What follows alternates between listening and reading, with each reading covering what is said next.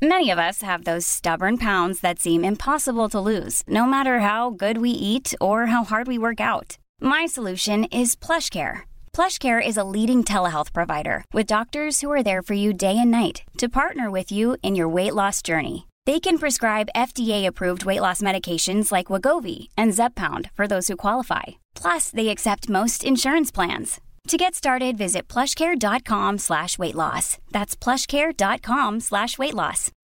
Life is full of what ifs. Some awesome, like what if AI could fold your laundry? And some, well, less awesome, like what if you have unexpected medical costs? United Healthcare can help get you covered with Health Protector Guard fixed indemnity insurance plans. They supplement your primary plan to help you manage out of pocket costs. No deductibles, no enrollment periods, and especially no more what ifs. Visit uh1.com to find the Health Protector Guard plan for you. Ryan Reynolds here from Mint Mobile. With the price of just about everything going up during inflation, we thought we'd bring our prices down. So to help us, we brought in a reverse auctioneer, which is apparently a thing. Mint Mobile unlimited premium wireless. Ready to get 30, 30, bit to get 30, bit to get 20, 20, 20, bit to get 20, 20, bit to get 15, 15, 15, 15 just 15 bucks a month. So, Give it a try at mintmobile.com slash switch. $45 upfront for three months plus taxes and fees. Promo rate for new customers for limited time. Unlimited more than 40 gigabytes per month. Slows. Full terms at mintmobile.com.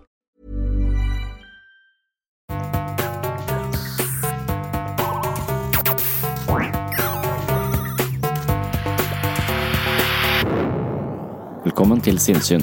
Jeg heter Sondre Risom Livre, jeg er psykolog, og dette er Webpsykologens podkast. Hverdagspsykologi for fagfolk og folk flest.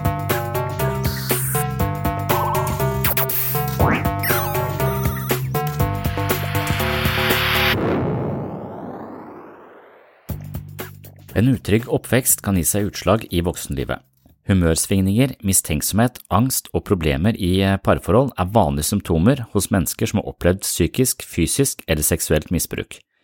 I dagens episode skal jeg se på de negative konsekvensene som følger av mobbing eller mishandling gjennom oppveksten, og dernest spille av et foredrag hvor jeg snakker mer generelt om negative grunnleggende leveregler og hvordan vi kan endre på denne typen livsmønstre som styrer måten vi tenker, føler og handler på. Velkommen til en skjematerapeutisk episode av Sinnssyn. Da er vi ferdig. Pakk sammen og gå igjen. Vi får en liten prat med deg.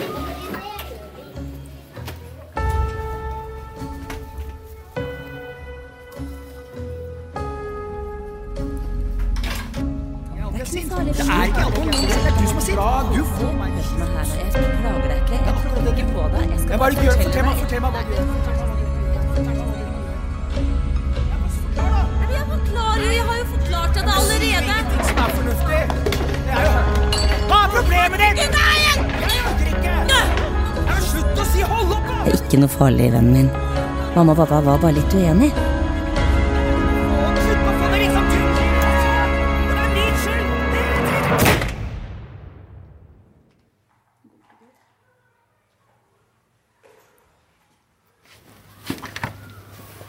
Går det bra?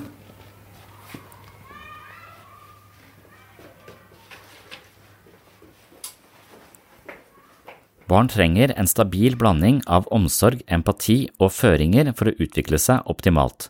Som mennesker har vi også noen grunnleggende psykologiske behov som må være på plass for en sunn utvikling. I stikkordsform kan de oppsummeres i fem punkter. Et godt forhold til andre, muligheten for å uttrykke seg, autonomi og selvstendighet, selvfølelse og trygghet. Det er først og fremst teoriene til Young og Klosko som utgjør det teoretiske fundamentet i denne episoden. I boken How to Break Free from Negative Life Patterns and Feel Good Again beskrives eh, noe som kalles negative grunnleggende leveregler. En negativ leveregel kan i denne sammenhengen forstås som en skade på vårt eget selvbilde. I en type folkepsykologisk sjargong beskriver de negative levereglene nettopp hvordan tidligere erfaringer skriver seg inn i vår personlighet som mer eller mindre rigide og ureflekterte handlingsmønstre. De antyder hvordan et menneske fra tidlig alder risikerer å tilegne seg ulike maladaptive reaksjonsmønstre som følge av et sviktende oppvekstmiljø. I denne episoden skal vi ta for oss barns behov for trygghet og se på konsekvensene av et oppvekstmiljø preget av misbruk og mistillit. Misbruk og omsorgssvikt kan ha mange ansikter. Det kan være fysisk, psykisk eller seksuelt, og det handler om at noen av våre nærmeste ikke har respektert våre grenser. Slike opplevelser truer barnet, og vi vet at trygghet er et av de viktigste elementene som barn trenger for å utvikle seg.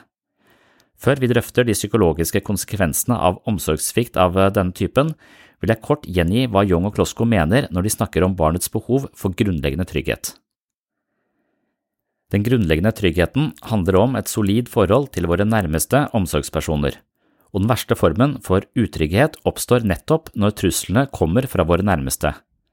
Det kan dreie seg om trusler i forhold til avvisning eller mishandling fra de som egentlig skal ta vare på barnet, og som barnet er avhengig av. Mangler i forhold til trygghet kan få alvorlige følger og trenger ofte behandling senere i livet.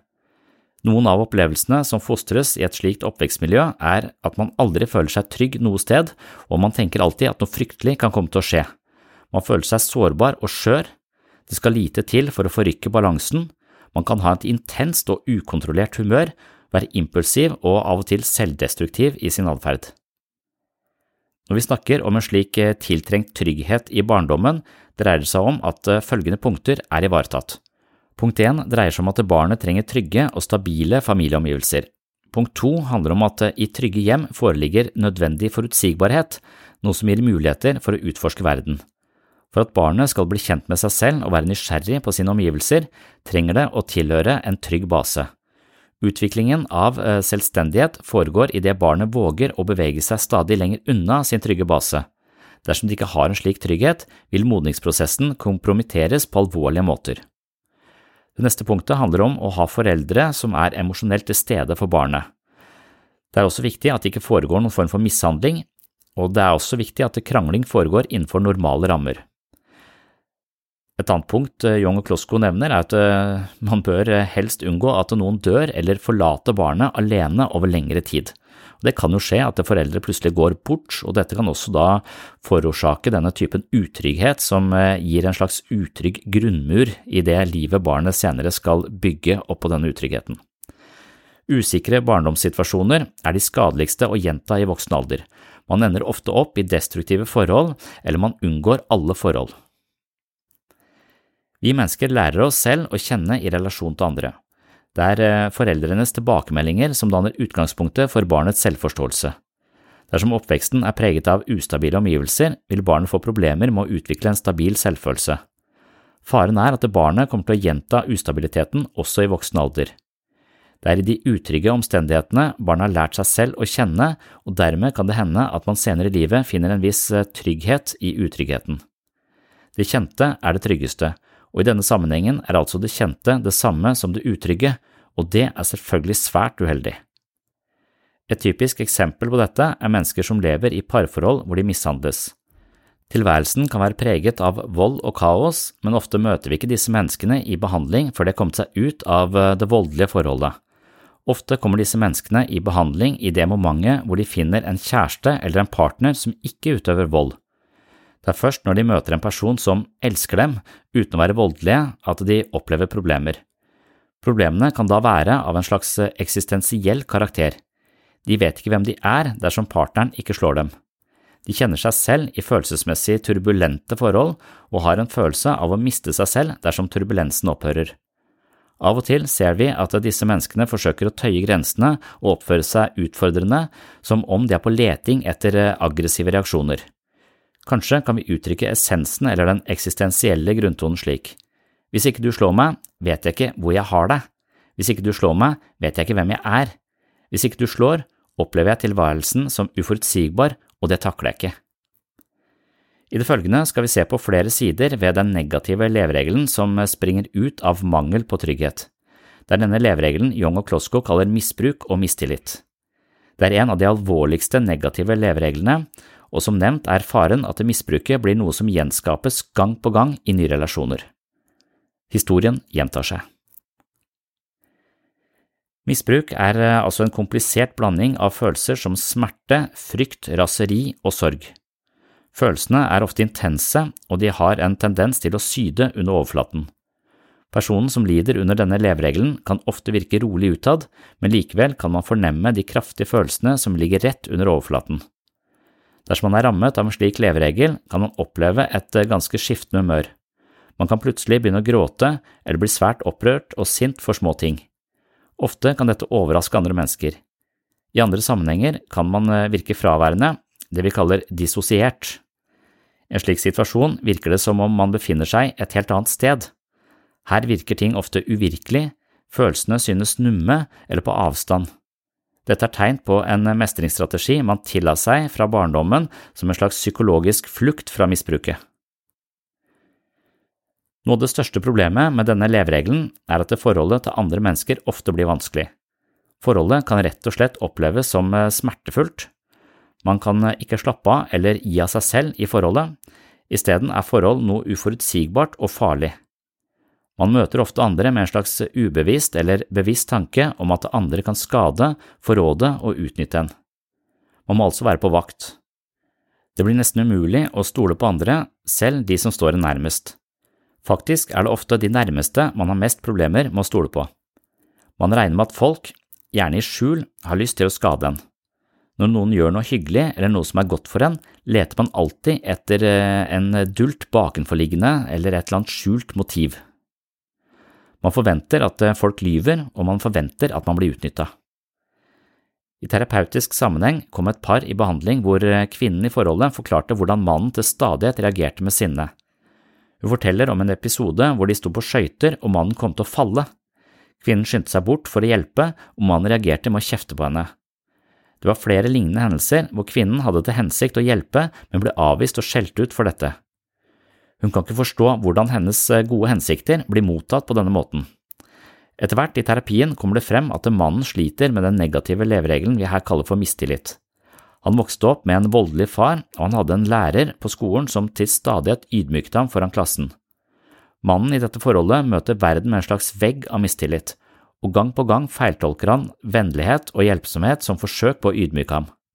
Han tror at kjæresten egentlig ikke har til hensikt å hjelpe ham opp fra isen, han tror ikke at hun handler på denne måten fordi hun bryr seg om han, men fordi hun vil latterliggjøre ham. Når slike underliggende forvrengninger, som vi her kaller for negative leveregler, ligger som en utslagsgivende faktor både i forhold til tanker, følelser, tolkninger og handlinger, får vedkommende problemer i mellommenneskelige relasjoner.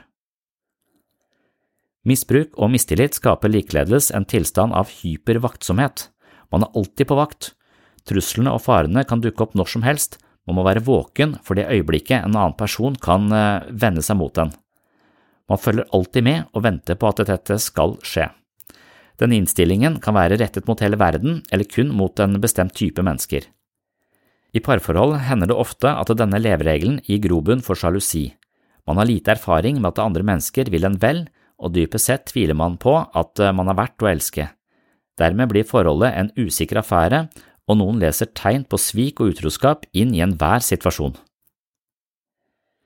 Det finnes eh, grovt sett tre typer av misbruk. Det er fysisk mishandling, som vi kaller vold, seksuelt misbruk og psykisk misbruk. Og psykisk misbruk det handler om trusler, stadig straff, mye kritikk, ydmykelser og terror. Måten man husker sin barndoms eh, misbruk på, kan ofte være avgjørende. Noen husker alt, noe som gjør dem bedre i stand til å forstå sin egen leveregel i voksen alder. Andre husker derimot kun enkelte ting. Ofte husker de sin barndom som uklar og tåkete. Andre igjen husker svært lite eller ingenting av misbruket. I slike tilfeller kan det ofte være at man husker det som har skjedd på en indirekte måte. Det vil si at eh, de dukker opp i drømmer og mareritt, voldelige fantasier, påtrengende bilder, eller at en plutselig blir kvalm eller engstelig dersom noe minner om eh, misbruket. I noen tilfeller kan det være slik at kroppen husker misbruket, men at ens egen bevissthet ikke husker det. Opplevelsene har simpelthen vært så sterke at eh, våre psykologiske forsvarsmekanismer har fortrengt dem. I slike tilfeller sitter vi igjen med følelsesmessige spor som kan hemme oss i livet på mange måter. Flashbacks, angst, frykt, bruddstykker av vonde minner og plutselig kroppslig ubehag er bare noen få symptomer som kan oppstå i kjølvannet av misbruk. På sett og vis kan livet bli som en skrekkfilm. I skrekkfilmer bruker man masse virkemidler for å skremme folk. Blant annet får man ikke tilgang til hele historien, det dukker stadig opp grufulle og uventede hendelser, offerets hjelpeløshet kommer frem, og alt dette gir en følelse av uforutsigbarhet og horror. Når dette foregår på film, klarer vi som regel å holde en viss avstand til det som skjer, men ikke nok til at vi ikke skremmes. Dersom den samme redselsfulle uforutsigbarheten er en del av vår egen bevissthet, kan vi ikke unnslippe, og livet kan oppleves som et skummelt mareritt utenfor vår kontroll. Dog er det den farligste måten å huske sitt misbruk på gjennom ens nåværende forhold. Ofte ser vi at leveregler er gjentagelse av de skadeligste forholdene en hadde som barn.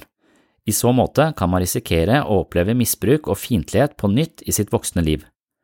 Angst og depresjon er også vanlig. Man har som regel en dyptgående følelse av håpløshet i livet, ofte sliter man med et dårlig selvbilde og en følelse av å være defekt eller ødelagt. Det er ofte i sammenheng med denne leveregelen at vi kan forstå mobberens psykologi. Et barn som opplever at foreldrene ikke ivaretar ens trygghet, eller enda verre, utsetter barnet for misbruk, vil føle at det lever i en verden uten trygge holdepunkter. Tilværelsen er uforutsigbar og truende. For å gjenvinne noen kontroll og en viss følelse av trygghet hender det at barnet reagerer ved å ta makten selv. De kuer eller mobber andre for å gjøre seg selv mindre sårbare. Uten tryggheten på hjemmebane vinner de en viss trygghet dersom de er usårlige på skolen. Det finnes mange former for mobbing og mange årsaker til mobbing, men av og til ser vi eksempler på det vi her beskriver. Vi ser redde barn som fremstår som uredde og ganske farlige for å dempe den påtrengende følelsen av å være alene og hjelpeløs i en skummel verden. I boka How to Break Free from Negative Life Patterns and Feel Good Again skriver Young og Klosko mer om de måtene negative leveregler kommer til uttrykk på. I tillegg skriver de en del om de negative levereglenes opphav og opprinnelse. Opprinnelsen til den leveregelen vi her snakker om, ligger som regel i barndommens opplevelser av å bli misbrukt, manipulert, ydmyket, straffet på utspekulerte måter eller forrådt. I følgende vil jeg gjengi noen av de punktene som beskrives i boka til Young og Klosko. Dette her er da beskrivelser av typiske mønstre hos personer som lider under leveregelen som da kalles misbruk og mistillit. Det er kun noen generelle kategorier som selvfølgelig ikke gjelder alle. Punkt 1. Noen i familien din mishandlet deg da du var barn. Punkt 2. Noen i familien din utsatte deg for seksuelle overgrep da du var barn eller befølte deg gjentatte ganger på en måte eller på en seksuelt utfordrende måte som var ubehagelig. Punkt 3. Noen i familien din ydmyket deg til stadighet, ertet deg eller rakket ned på deg. Det kaller man da verbal mishandling. Punkt 4. Familiemedlemmene dine var ikke til å stole på, de misbrukte tillit, utnyttet og tok fordel av svakhetene dine, manipulerte deg, ga løfter de ikke hadde tenkt til å innfri i utgangspunktet, eller var løgnaktige mot deg. Punkt 5. Noen i familien ga uttrykk for nytelse da du hadde det vondt. Punkt 6. Du ble som barn truet med alvorlig hevn eller straff dersom du ikke gjorde ting du ikke ville. Punkt 7. En av foreldrene dine advarte deg gjentatte ganger mot å stole på folk utenfor familien. Punkt 8. En av familiemedlemmene vendte seg til deg da du var barn for fysisk kontakt på en måte som var ubehagelig for deg. Punkt 9. Folk pleide å kalle deg ting som virkelig gjorde vondt å høre på. Alle former for misbruk er overtramp mot ens grenser. Ens fysiske, seksuelle eller psykologiske grenser ble ikke respektert. Noen i familien din som egentlig skulle passe på deg, begynte å såre deg med vilje. Som barn er man forsvarsløs mot slikt. Under og i forlengelsen av misbruk oppstår en intens følelse av å være forsvarsløs og ubeskytta. I noen tilfeller ser vi at en av foreldrene utøvet misbruket, mens den andre ofte ikke var sterk nok til å stoppe det. På den måten skuffet begge. Vi vet alle at vi skal flykte eller komme oss unna dersom noen forsøker å angripe oss. Disse mulighetene har man sjelden som barn, og det blir ekstra problematisk når man egentlig også er glad i den som utøver misbruket. Ofte ser man at barn som utsettes for misbruk, på sett og vis godtar misbruket fordi det innerst inne har et sårt behov for kontakt og forbindelse med personen som utøver misbruket, altså en av barnets omsorgspersoner eller andre viktige voksenskikkelser. Kanskje var misbruket den eneste forbindelsen barnet klarte å oppnå med voksenpersonen. Uten dette ville barnet kanskje oppleve seg helt forlatt og alene i en stor verden. Ved seksuelle overgrep ser vi dermed mennesker som i tillegg til sinne, frykt og sorg opplever en form for skyldfølelse. De kan ha en opplevelse av at de ikke satte tydelige grenser eller var med på det som skjedde. Som regel har disse barna vært eh, underernært på varme og omsorg, og dermed var foreldrenes tilnærmelser kanskje tiltrengt, men når voksenpersoner trår over barns grenser, er det svært alvorlig og strengt forbudt uansett. Ingen barn kan lastes for slikt, og ingen barn skal ha skyldfølelse for slikt, uansett. Det skaper stor forvirring, som eh, nevnt en uoversiktlig blanding av vonde og forferdelige følelser i et ungt menneske. Alle de tre typene av mishandling har noen forskjeller, men de har likeledes en del eh, likhetstrekk. Felles er at de involverer en kaotisk blanding av kjærlighet og smerte. Det er nesten umulig å beskrive hvor kaotisk verden er for et barn som opplever at eh, en av dets eh, nærmeste invaderer og sårer en. Opp gjennom livet brukes enorm kapasitet på å føle seg trygg. Man kan sjelden konsentrere seg lenge om andre ting, nettopp fordi man alltid er på utkikk etter ulike farer og trusler og ofte ser vi at den som leter, finner. Det betyr at personen ofte gjenopplever misbruket ved å komme i kontakt med personer som også er voldelige eller trakasserende. Dette gjør ofte mennesker for å føle en slags sammenheng. En person som er vant til eh, fiendtlighet fra sine omsorgspersoner, ser på seg selv som en andre er ute etter å såre. Dermed søker den ubevisst kontakt med slike mennesker for å få bekrefta sin egen identitet rett og slett for å få en eh, stadfesting på at eh, måten en ser seg selv på, faktisk stemmer. Dermed vil det bli vanskelig å motta ros og kjærlighet fordi man ikke har lært å kjenne seg selv som en som fortjener nettopp gode ord og kjærlighet. I enkelte tilfeller oppfører personer med denne leveregelen seg relativt truende selv, slik at de nettopp opplever at verden er truende tilbake. Innerst inne ønsker de ikke dette, men hungrer etter kjærlighet men det inngrodde mønsteret kan være vanskelig å bryte. Det er rett og slett skummelt dersom noen oppfører seg hyggelig. Istedenfor å hvile i de hyggelige bemerkningene, ser vi at personen med denne leveregelen kun blir skeptiske og mistenksomme. Gjennom en form for fiendtlighet kan man også holde folk på avstand, og det er en strategi som kan være fremtredende hos personer som lider under misbruk og mistillitens tyngende leveregel. I tillegg til å gi et ganske godt psykologisk innblikk i levereglenes natur, presenterer Young og Klosko også en rekke tiltak man kan iverksette for å hjelpe seg selv. I boka, som altså heter How to Break Free from Negative Life Patterns og en Feel Good som på norsk heter Gjenvinn livet ditt, snakker de mye om å frigjøre seg fra de negative livsfellene. I forhold til alle de ulike levereglene er det første skritt på veien Eh, å erkjenne sin egen leveregel. I dette tilfellet handler det om å forstå hvorfor man ofte opplever verden som utrygg og skremmende.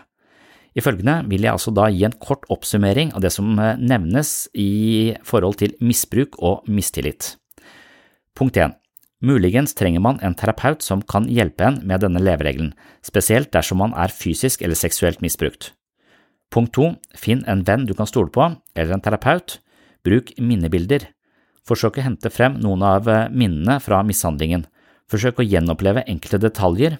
Det anbefales at man ikke gjør dette alene, men sammen med en trygg og stabil person. Punkt 3. Når du bruker minnebilder, blås ut ditt sinne mot eh, den eller de som har misbrukt eller mishandla deg. Slutt å føle deg hjelpeløs innenfor minnebildet. Slutt å klandre deg selv. Du fortjener ikke misbruket eller mishandlingen sett. Punkt 5. Vurder å trappe ned eller bryte kontakten med den eller de som misbrukte eller mishandla deg, mens du jobber med denne leveregelen. Punkt 6. Hvis det er mulig, og når du er klar, konfronter den eller de som misbrukte eller mishandla deg, enten ansikt til ansikt eller gjennom et brev. Punkt 7. Ikke tolerer mishandling og misbruk i dine nåværende forhold. Punkt 8. Forsøk å stole på folk, og kom deg tettere innpå de som fortjener det. Punkt 9. Forsøk å få deg en partner som respekterer dine rettigheter og som ikke ønsker å såre deg. Vær oppmerksom på at du selv kan ha et slags ubevisst behov for å møtes med fiendtlighet, slik at du uten å tenke over det opptrer utfordrende overfor andre. Forsøk å se deg selv i slike situasjoner. Forstå at dette er et frosset mønster du har med deg fra din barndom. Du har selv makt til å endre på dette men det krever at du hele tiden er oppmerksom på situasjoner hvor mønsteret truer med å gjenta seg. Punkt 10. Ikke misbruk eller mishandle andre mennesker rundt deg eller dine nærmeste. Veien ut av negative leveregler kan være ganske tøff, men desto rikere kan man bli dersom man lykkes. Da kan man oppnå det man alltid har ønska seg, å elske og bli elsket. Første skritt på veien er uansett å se sitt eget mønster og hvordan det påvirker ens hverdag. Levereglene er din fiende, og Young og Klosko mener at man bør kjenne sin fiende for å overvinne den. Og dette var altså da en kort beskrivelse av den leveregelen som kalles for misbruk og mistillit, og nå skal jeg ta deg med inn i et foredrag hvor jeg snakker mer generelt om disse negative levereglene og disse skjemaene som styrer måten vi tenker, føler og handler på, og jeg skal forsøke å si litt om hvordan man kan endre disse mønstrene på et litt mer generelt eh, grunnlag. Even on a budget. That's why Quince is the place to score high-end essentials at 50 to 80% less than similar brands. Get your hands on buttery soft cashmere sweaters from just 60 bucks, Italian leather jackets, and so much more. And the best part about Quince, they exclusively partner with factories committed to safe, ethical, and responsible manufacturing. Elevate your style without the elevated price tag with Quince. Go to quince.com slash upgrade for free shipping and 365-day returns. Hold up. What was that? Boring. No flavor. That was as bad as those leftovers you ate all week. Kiki Palmer here, and it's time to say hello to something fresh and guilt-free. Hello Fresh. Jazz up dinner with pecan-crusted chicken or garlic butter shrimp scampi. Now that's music to my mouth. Hello Fresh. Let's get this dinner party started. Discover all the delicious possibilities at hellofresh.com. Cool fact a crocodile can't stick out its tongue. Also, you can get health insurance for a month or just under a year in some states. United Healthcare short term insurance plans, underwritten by Golden Rule Insurance Company, offer flexible, budget friendly coverage for you. Learn more at uh1.com.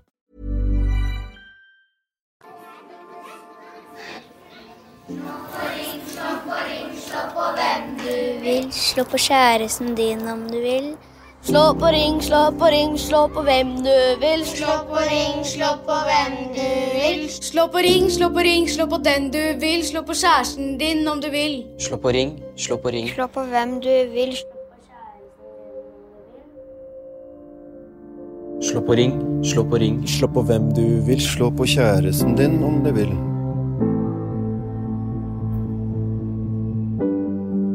Ring, slå på ring, slå på hvem du vil. Slå på kjæresten din om du vil. Den du slår, den slår du så hardt, så hardt, så hardt. Da var det tilbake til disse negative levereglene, som er denne skjematerapien til eh, Young og Klosko. Skjematerapi, det ligger liksom i ordet der at det, de har en slags idé om at skjemaer styrer atferden vår.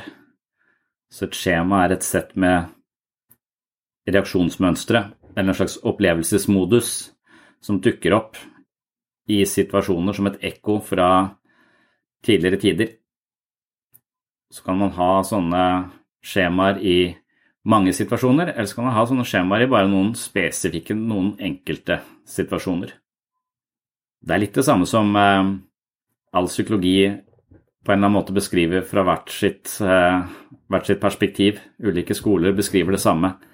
Og man kan nesten se for seg at det er, det er de relasjonene vi har når vi vokser opp, som eh, blir malen på hvordan vi omgås andre mennesker. Det er som om vi lærer en type dans, da, og at det er den måten vi danser på.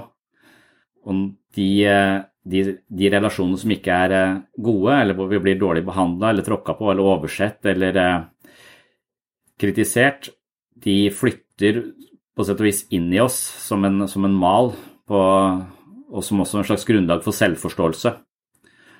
Og så danser vi den samme dansen, eller vi søker å gjenskape den samme relasjonelle si, dramaturgien i nye relasjoner, for da vet vi hvem vi er. Så De sier om disse levereglene at de bor dypt i oss. Det er skjemaer, måter å reagere på, være med andre på, som søker å bli bekrefta. Så vi, vi, vi, mer eller mindre ubevisst trekkes mot mennesker som kan danse på den måten. Og hvis vi da har skjemaer som er negative, altså de negative grunnleggende leveregler, det er jo skjemaer som da er uheldige for oss. Og hvis vi har mange av de skjemaene, så vil vi også mer eller mindre ubevisst tiltrekkes mennesker som eh, bekrefter den eh, ideen som ligger innbakt i de skjemaene. For da veit vi hvem vi er, og da kan vi forutse fremtiden. hvis folk reagerer annerledes og ikke avviser oss eller eh, kritiserer oss eller utnytter oss eller noe sånt noe, hvis det er det vi er vant til, hvis det er det som er skjemaet vårt, så blir vi usikre i møte med disse, disse menneskene. Hvorfor, hvorfor, skjer ikke det som pleier å skje? Hvorfor har de noen helt andre eh, piruetter her hvor jeg pleier å gjøre et annet eh, destruktivt dansetrinn? Så temaet til i dag var litt hvordan vi endrer disse mønstrene. Og ifølge den eh, teorien til Young og Klosko så er det, sånn, det er en del grunnleggende behov, og så er det en sånn 12-13 forskjellige typer av disse livsmønstrene som de da har beskrevet. Så det er eh, avvisning er et som handler om grunnleggende trygghet, frykten for å hele tiden bli avvist som utspiller seg på ulike måter. La oss si du har foreldre som eh, kanskje skilte seg eller ble brått syke, og, du, og de forsvant fra deg på en måte, sånn at de ikke hadde den samme kapasiteten eller samme omsorgen som de hadde før, så blir man jo mer eller mindre avvist, og så blir man eh, som barn da livredd for å miste den omsorgen man trenger, og så prøver man å løpe etter og kanskje bli så perfekt som mulig for å ikke være til bry eller eh, forårsake foreldrenes uvennskap eh, på en eller annen måte. Man prøver å please alle andre for å ikke bli forlatt av. Det kan være en, en type livsmønster som utvikler seg fra en mangel på grunnleggende trygghet og som man kaller avvisning. Leveregelen avvisning. Og den kan man reagere på på litt forskjellige måter. Man kan, eh, man kan reagere da med å prøve å please andre for ikke å bli avvist, og så blir det et mønster hvor du setter egne behov til side i møte med andre, og langsomt blir da tatt for gitt og glemt. Så den der følelsen av å være eh, avvist, den gjentar seg. Det er jo det som er skjebnens ironi, det er det, det tragiske med disse livsmønstrene er at de begynte som en måte å vinne omsorg på, eller få det man trengte, og så utvikler de seg til et mønster som sørger for at du får det motsatte, eller at situasjonen gjentar seg. For det kan være en viss logikk i at hvis jeg bare er så god som mulig og så snill som mulig mot alle andre, så vil de like meg og ikke forlate meg. Men sånn er det ikke. Det er ofte sånn at hvis du er selvutslettende og aldri hevder dine egne behov, og, og alltid sier ja når du mener nei, så vil du bli tatt for gitt, eh, og du vil av og til bli glemt, du blir eh, nedprioritert, og så fortsetter dette, dette mønsteret. Så Jeg husker ikke om det var i denne episoden jeg ofte snakket om en, en jente som, eh, som mista faren sin, og moren ble deprimert. Og da denne situasjonen hvor hun hele tiden da prøvde å please moren for at hun ikke skulle ligge på senga og gråte, det ble et mønster hun tok med seg på skolen. Hun prøvde å være snill mot andre så ikke de skulle avvise henne. Og det endte med at hun opptrådte som ganske sånn sårbar og svak og ble tråkka på av de som eh, vant egenverdi ved å, ved å, mobbe andre eller føle seg utrygge og skapte kontroll ved å ha makta. Så, så da ble hun tråkka på på den måten, og når hun da får en kjæreste, så, så, hver gang han går ut, eller skal, hver gang døra smeller igjen, så, så, reagerer kroppen hennes som om nå forlater han meg, nå kommer han aldri tilbake, selv om han bare skal ned på butikken og handle. Så, vil hun reagere. Mønsteret, skjemaet for avvisning vil reagere på enhver liten form for separasjon i livet. Så bare det å si ha det, eller eh, til eh, noen som ringer på telefon, oppleves nesten litt som vanskelig. Derfor så legger personen aldri på, derfor så varer telefonsamtaler altfor lenge. Derfor så vegrer folk seg for å ringe til henne, og så etter hvert så hun, mister, hun, mister, hun, mennesker. Og hun mister også han hun er sammen med, fordi han føler seg fanga. Han blir liksom hele tiden kalt tilbake fra jobb fordi at hun har vondt her og der, og må, så, så, hun driver og klamrer seg til han i frykt for å, for å miste han, og han blir kvært og forlater henne. Så, så det er et sånn Et av disse 12-13 ulike skjemaene da, som, som, har en slags mellommenneskelig logikk. Men disse relasjonene som ikke, disse konfliktene som oppstår, de risikerer å flytte inn i oss og bli en, et mønster på måten vi omgås på. Og Første skritt da på veien for å endre disse negative mønstrene er jo å se de og beskrive de. Så da er jo ofte som når folk kommer hit, så fyller de jo ut disse spørreskjemaene som, uh, som Johan Klosko har utvikla, som, uh, ja, som er disse negative levereglene. Og der de scorer uh, over en viss terskelverdi, så får de ofte en tilbakemelding på disse, disse mønstrene. Så, så og fremst er å se mønstre, se, se, at man, man inngår i en type relasjonell dans som ikke er heldig for oss. Og Det betyr jo at vi er nødt til å ta litt sånn helikopterperspektiv, og det er det som er problemet. For veldig ofte så ser vi ikke dette. Vi, vi, for det første så har vi ubevisst disse mønstrene søker å bli bekrefta, så de mer eller mindre drar oss inn i disse situasjonene. Og det føles ofte naturlig for oss, så det føles ofte bra.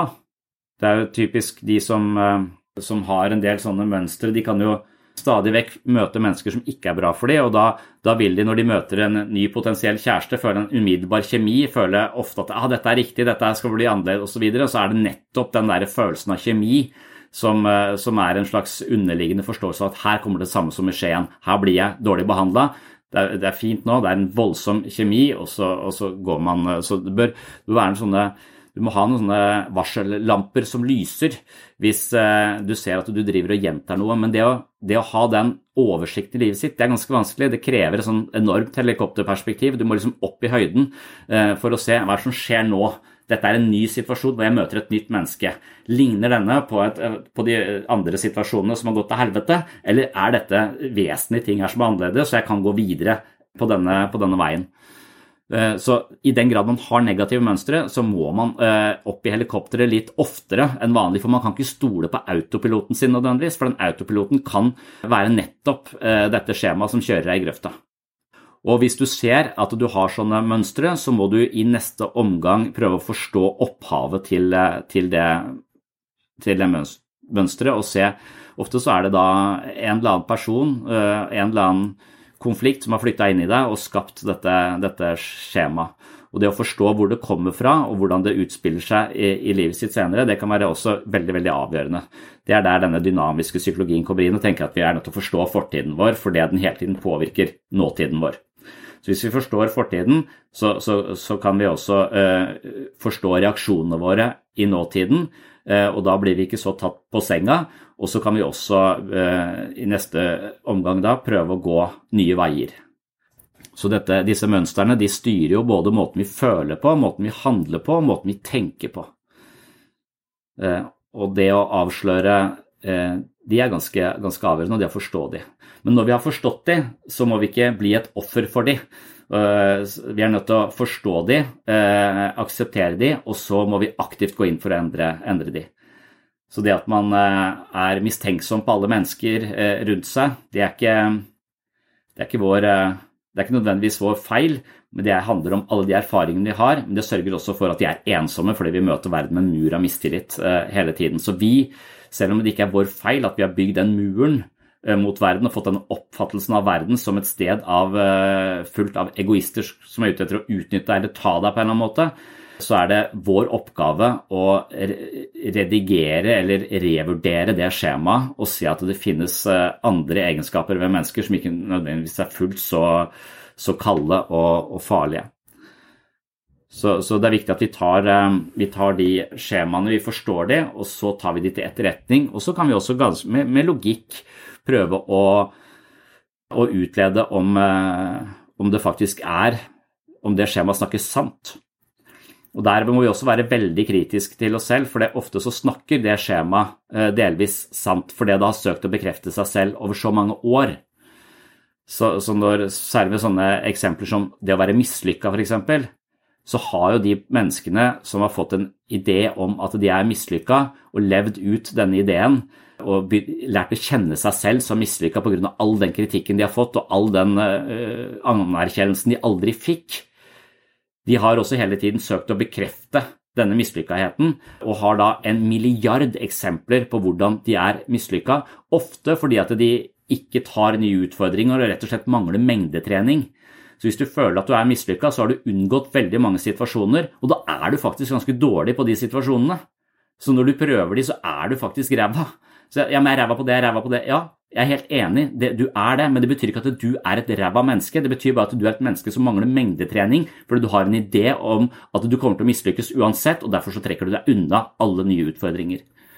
Man er nødt til å, disse, disse mønstrene er overbevisende. De vil lett komme til å lure deg, eh, at de forteller sannheten om deg. Og da må man huske på hva man har lært i biblioterapi. Alt du tenker og føler, er feil. Så, så uten den innsikten i bånn, så er det vanskelig å gjøre noe med disse, disse mønstrene. Så, så, på punkt 5, 6, 7 ut i denne endringsprosessen så handler det om å utforske mer nøyaktig hvordan dette mønsteret påvirker livet ditt. Forsøk å bryte mønsteret. Forsøk gjerne med små skritt innledningsvis. Og så forsøk å være utholdende i dette arbeidet. Og det er også disse Det er vanskelig, og det beste rådet er vel å prøve å endre disse mønstrene et annet sted enn der de oppsto. Ikke begynn med kjernefamilien, fordi kjernefamilien er det vanskeligste. Det er, det er der vi har mest blindsoner, det er der vi er absolutt liksom fått vår plass i dynamikken.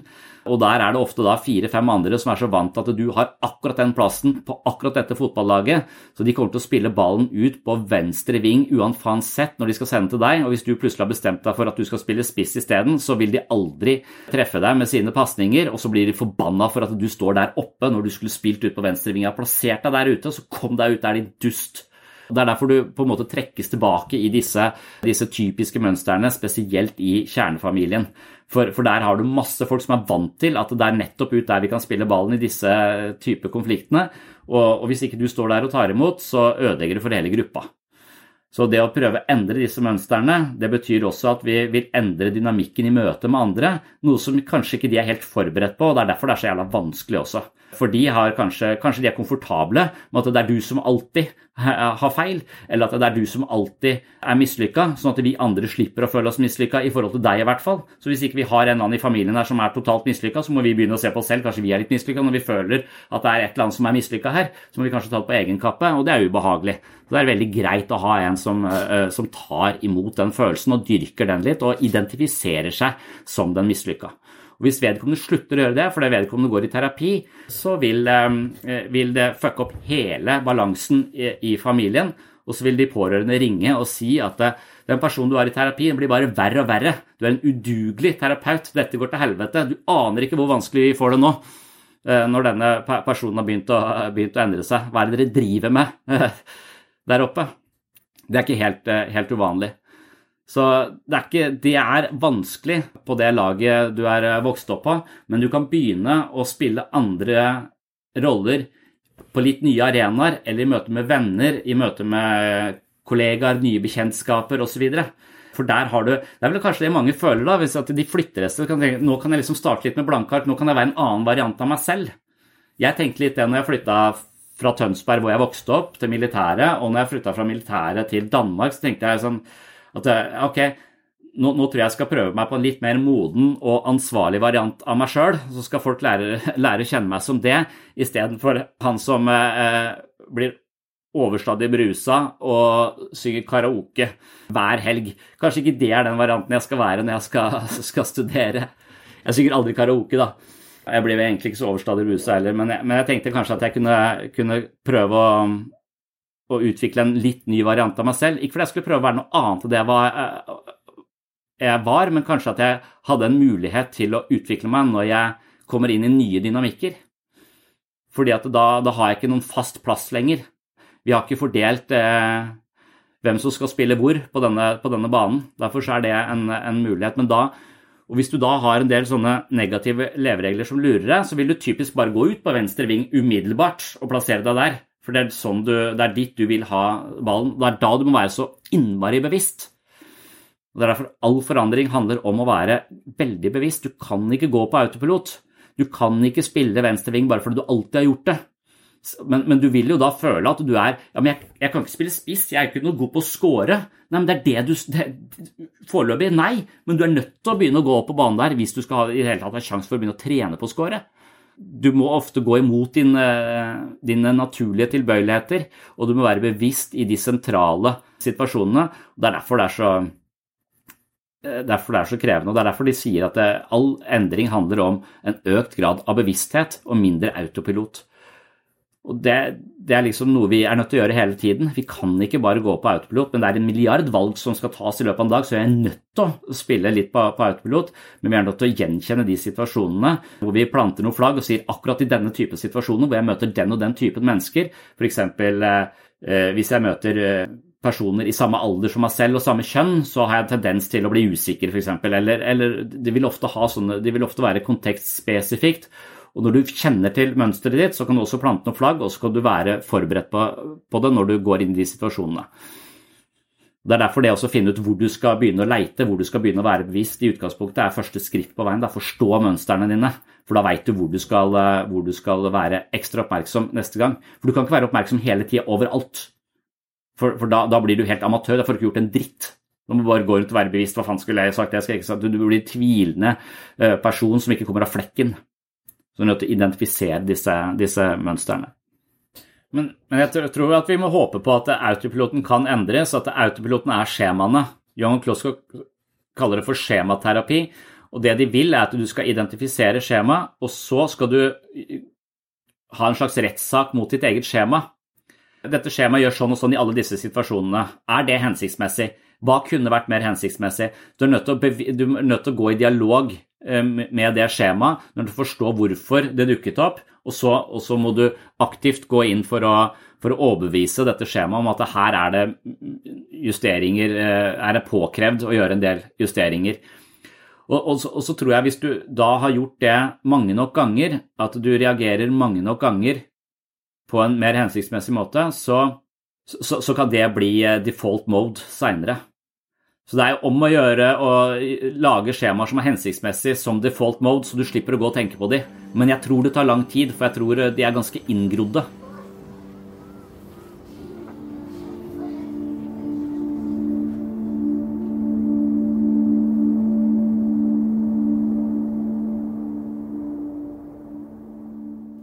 Takk for at du hører på Sinnsyn. Det siste segmentet, altså den frie fabuleringen i denne episoden, var kun et kort utdrag fra en lengre refleksjonsrunde omkring grunnleggende negative leveregler, og ikke minst hvordan de kan endres.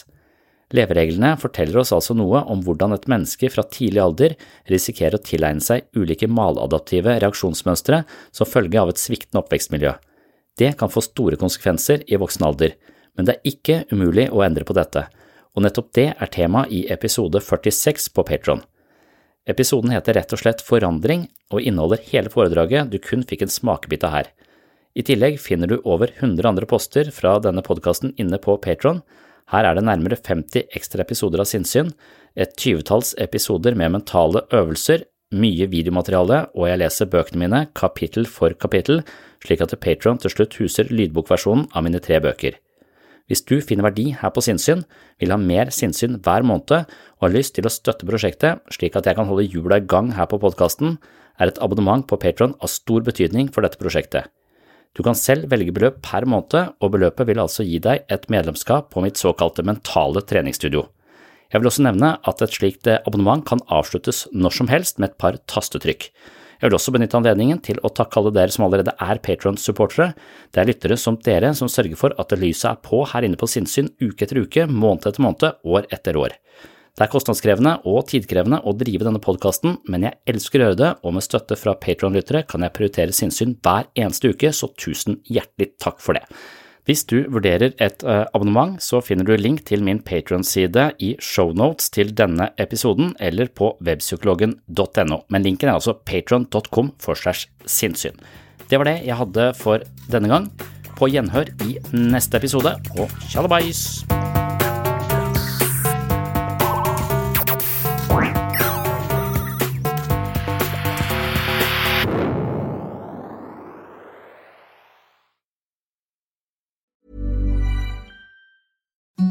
Imagine the softest sheets you've ever felt. Now imagine them getting even softer over time. That's what you'll feel with Bowl and Branch's organic cotton sheets. In a recent customer survey, 96% replied that Bowl and Branch sheets get softer with every wash. Start getting your best night's sleep in these sheets that get softer and softer for years to come. Try their sheets with a 30-night guarantee. Plus, get 15% off your first order at bowlandbranch.com. Code BUTTERY. Exclusions apply. See site for details. Ever catch yourself eating the same flavorless dinner three days in a row? Dreaming of something better? Well, HelloFresh is your guilt-free dream come true, baby. It's me, Kiki Palmer. Let's wake up those taste buds with hot, juicy pecan-crusted chicken or garlic butter shrimp scampi. Mm. Hello Fresh.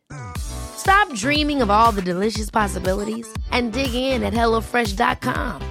Let's get this dinner party started. Mom deserves the best, and there's no better place to shop for Mother's Day than Whole Foods Market. They're your destination for unbeatable savings, from premium gifts to show-stopping flowers and irresistible desserts. Start by saving 33% with Prime on all body care and candles. Then get a 15-stem bunch of tulips for just $9.99 each with Prime. Round out Mom's menu with festive rosé, irresistible berry chantilly cake, and more special treats. Come celebrate Mother's Day at Whole Foods Market.